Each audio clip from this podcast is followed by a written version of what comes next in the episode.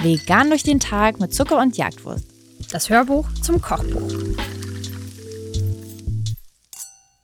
Zu diesen Streuselschnecken haben wir ein ganz tolles Kompliment von meiner Schwester bekommen. Sie hat nämlich gesagt, das schmeckt wie ein Industrieprodukt. Und das ist für uns das größte Lob. Denn wenn man unsere Sachen probiert und denkt, hey krass, das schmeckt ja wie aus dem Supermarkt, dann ist das für uns ähm, genau das, was wir erreichen wollten. Denn ähm, viel zu oft gibt es Sachen nicht in vegan. Ähm, beim Bäcker gibt es diese Süßstückchen, da gibt es ja wirklich fast nie was. Ähm, deswegen müssen wir es selber machen. Und wenn wir damit sehr nah an das Original rankommen, dann freut uns das natürlich irre. Auf jeden Fall. Ich habe auch verstanden, was sie meinte. Ähm, hast du früher Streuselschnecken gegessen? Ja, ab und zu. Und hast du die Plain-Variante genommen oder hast du auch welche mit Beeren oder generell Nee, mit Früchten Mit genommen? Früchten. Ich habe auch nie nämlich so richtig verstanden, wer die Menschen sind, die nur die Streuselschnecken ohne Beeren wollen. Ich fand, die waren ganz oft, also man hat selten, finde ich, welche gehabt, bei denen der Teig nicht zu dick war. Hm. Deswegen fand ich, waren die ganz oft super trocken. Man will ja die Streusel, aber wenn das zu viel Teig war, war es einfach ziemlich oll. Hm. Ich habe mich auch immer gefragt, wer zum Beispiel Schweinsohren, die Blätterteigohren, Mhm. äh, ohne Schokolade nimmt. Vielleicht Leute, die so gerne tunken. Ich weiß es auch nicht. Aber naja, diese, dieses Rezept, was wir hier für euch haben, ähm, funktioniert auf jeden Fall ganz klasse mit Johannisbeeren. Ihr könnt ja natürlich auch andere Früchte drauf geben. Das wisst ihr bestimmt. Und was ich noch empfehlen würde bei diesem Rezept, ist auf jeden Fall, die frisch zu essen. Also klar, die schmecken auch ähm, einen Tag später noch gut, aber wenn die so lauwarm aus dem Ofen kommen, dann ist das auf jeden Fall nochmal eine andere Nummer.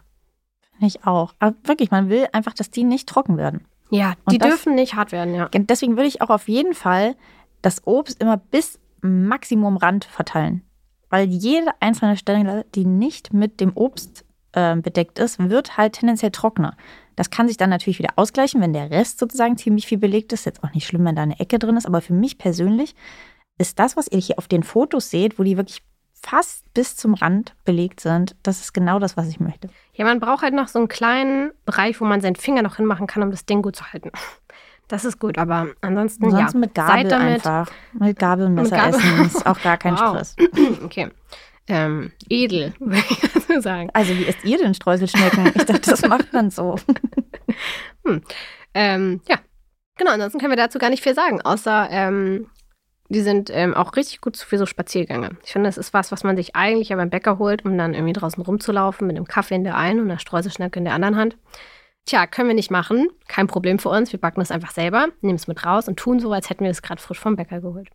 Und wenn ihr noch mehr Tipps für den Hefeteig braucht, den ihr hier verwendet, dann könnt ihr euch auch noch mal unsere kleine Hörbuchfolge zum Grundlagenrezept Hefeteig anhören.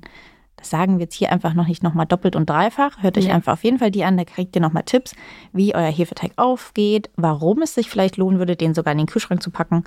Das nur als kleiner Spoiler. Wir hören uns also wahrscheinlich dort drüben wieder. Wir flitzen gleich wieder rüber zum Grundlagenrezept. Da könnt ihr jetzt reinhören.